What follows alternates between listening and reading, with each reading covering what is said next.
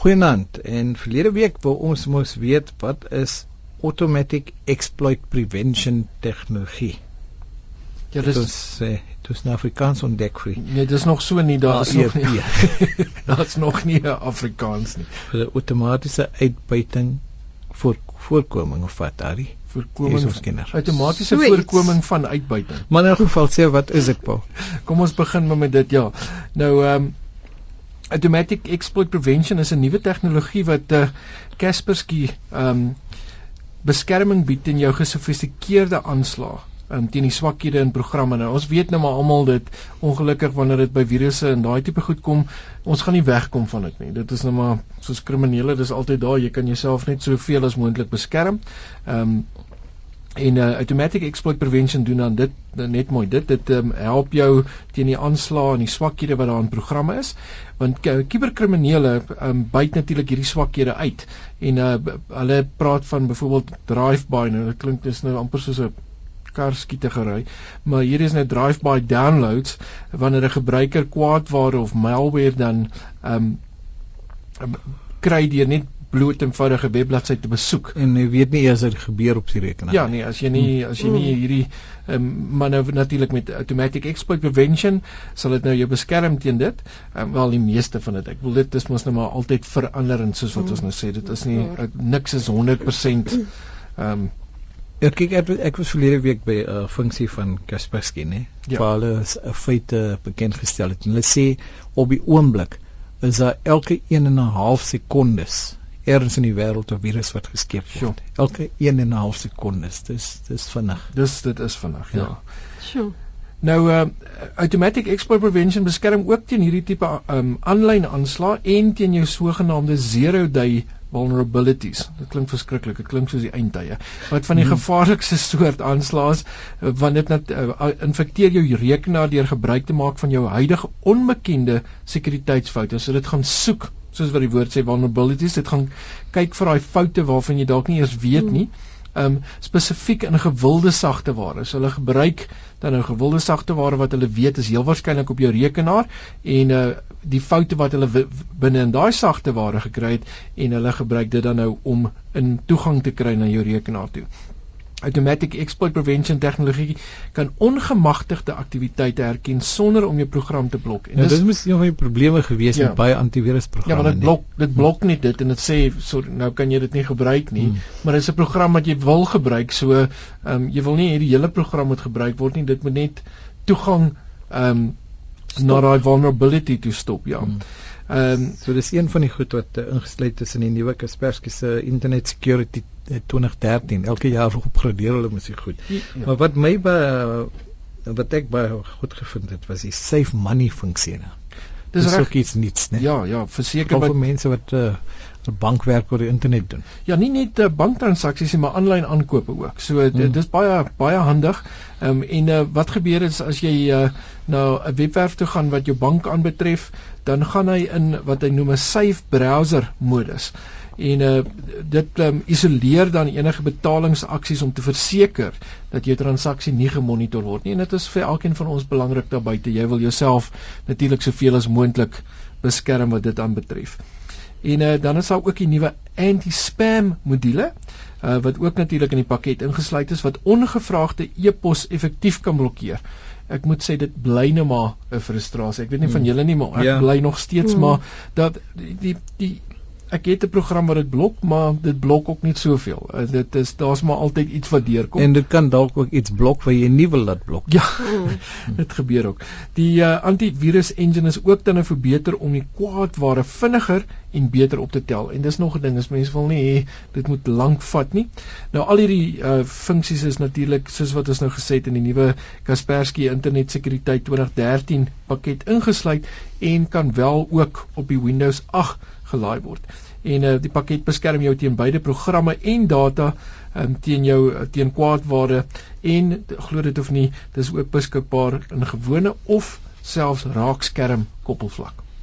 Nou goed, uh, mense kan seker baie meer gaan lees oor al die uh, fasiliteite wat binne in Kaspersky se Internet Security 2013 is. By, by seker by hulle webwerf. hè? Ja, wat is beter om te gaan lees as by hulle eie webwerf ja, www.kaspersky.co.za skynstreep internet skynstreep, ag nie skynstreep nie, 'n koppelteken security en dan ook dis daar een wat spesifiek op die antivirus is, dis bkaspersky.co.za skynstreep antivirus. Nou gepraat van antivirus, Justin wil weet of daar 'n verskil is tussen AVG en AVAST. Is dit Ja, ons ken dit as AVG en Avast, ja. ja. Ehm um, nou albei hierdie programme het 'n gratis weergawe. Hulle het albei eintlik ook 'n betaal weergawe. Maar hulle die gratis weergawe wat uh, gebruik kan word as as antivirusprogramme nou. Die ding, die verskil wat daarin kom is eintlik Avast het ook 'n anti-kwaadware deel wat ingesluit is by die gratis weergawe, nie net die antivirus gedeelte nie. So ehm um, weer 'n keer die betaalweergawe van hierdie programme gaan ook 'n ander beskerming ook wees soos anti-phishing uh spam uh om spam te bekamp en ook um doen hulle ook internetbetaling beskerming. Maar vir dit moet jy gaan betaal natuurlik. Ja, jy moet gaan betaal vir so laai ABG gaan laai ABG af by um free.abg.com en Avast kan jy kry by www.avast.com skynstreep free koppelteken antivirus koppelteken download. En jy kan hierdie webwerf op ons webwerf kry as jy dit nie kan neerskryf nie. Ja, gaan kyk gerus natuurlik by www.rsg.co.za en gaan kyk onder Chala tyd vir die rekenaar rubriek waar al ons inligting waaroor ons gesels vir hierdie program en selfs vorige programme beskikbaar is. Uh, ek het gelees van Malwarebytes. Ken jy so 'n program, Marie? Ja, Malwarebytes is ehm um, iets wat jy kan gebruik ook om weet, toe sê woord malware nou vir jou sê, hmm. um, om enige kwaadware op te tel. Onthou net dat geen program tel al die kwaadware ja. wat daar is hmm. op nie. Ehm um, dis hoekom ons meer as een tipe program gebruik. Ehm um, so Malwarebytes kan 'n mens kry kind geaflaai by www.malwarebytes.org en ehm um, 'n soortgelyke program wat ons vroeër al oor gepraat het, vroeër jare in die program is ook 'n intydse skandeerder vir kwaadware. Dis Spybot Search and Destroy. En dit kan mens gaan aflaai by www.cyphernetworking.org. Ehm um, so die die malware bytes enige nadeel van hom is hy jy gaan hom moet initieer, jy gaan op hom klik sodat hy kan dit doen. Die terwyl doen hy outomaties ja, terwyl die ja, terwyl Spybot Search and Destroy doen dit intyds want dan is jy heeltyd besig om mm. om te soek daarvoor. Ek dink baie mense besef nie hoe hoe belangrik dit is wat internetsekuriteit aan betref of jou net jou sekuriteit by jou huis. Ek wil al hoe meer mense begin natuurlik roteerders gebruik en ehm um, het uh, Wi-Fi tipe koppelings by die huis en dit is belangrik. Jy kan nie net maar nou moet ek dink o nee my bure of die mense of iemand wat verbyry kan nie net inkom in my inligting jy kan nie meer daai aanname maak van dit is nou maar net veilig nie jy moet jouself um, beskerm net soos wat ons osself maar die land ook beskerm um, dink ek is dit baie belangrik om jouself in so so mate te beskerm Mm -hmm. Goed, nou Werner het vir ons 'n interessante webwerf ingestuur. Uh, jy gaan kyk daarna aan die. Ja, ek het. Ehm um, die webwerf se naam is www.getsharepod.com. So dit is nou 'n programmetjie wat gebruik kan word om as jy nou iTunes afgelaai het op jou iPod om dit nou op jou rekenaar te kan laai. So ehm um, dit is nou 'n interessante hmm. webwerf ja wat mens kan gebruik. En dan lees ek ook vir ons 'n wenk vir die iPod of die iTunes. Dis reg, het, ja, daar's 'n wenk ook vir ons ingestuur. So 'n vinnige manier as jy jy dis eintlik vir die iPad hierdie mm -hmm. om die iPad se klank vinnig te uit te doof of te mute.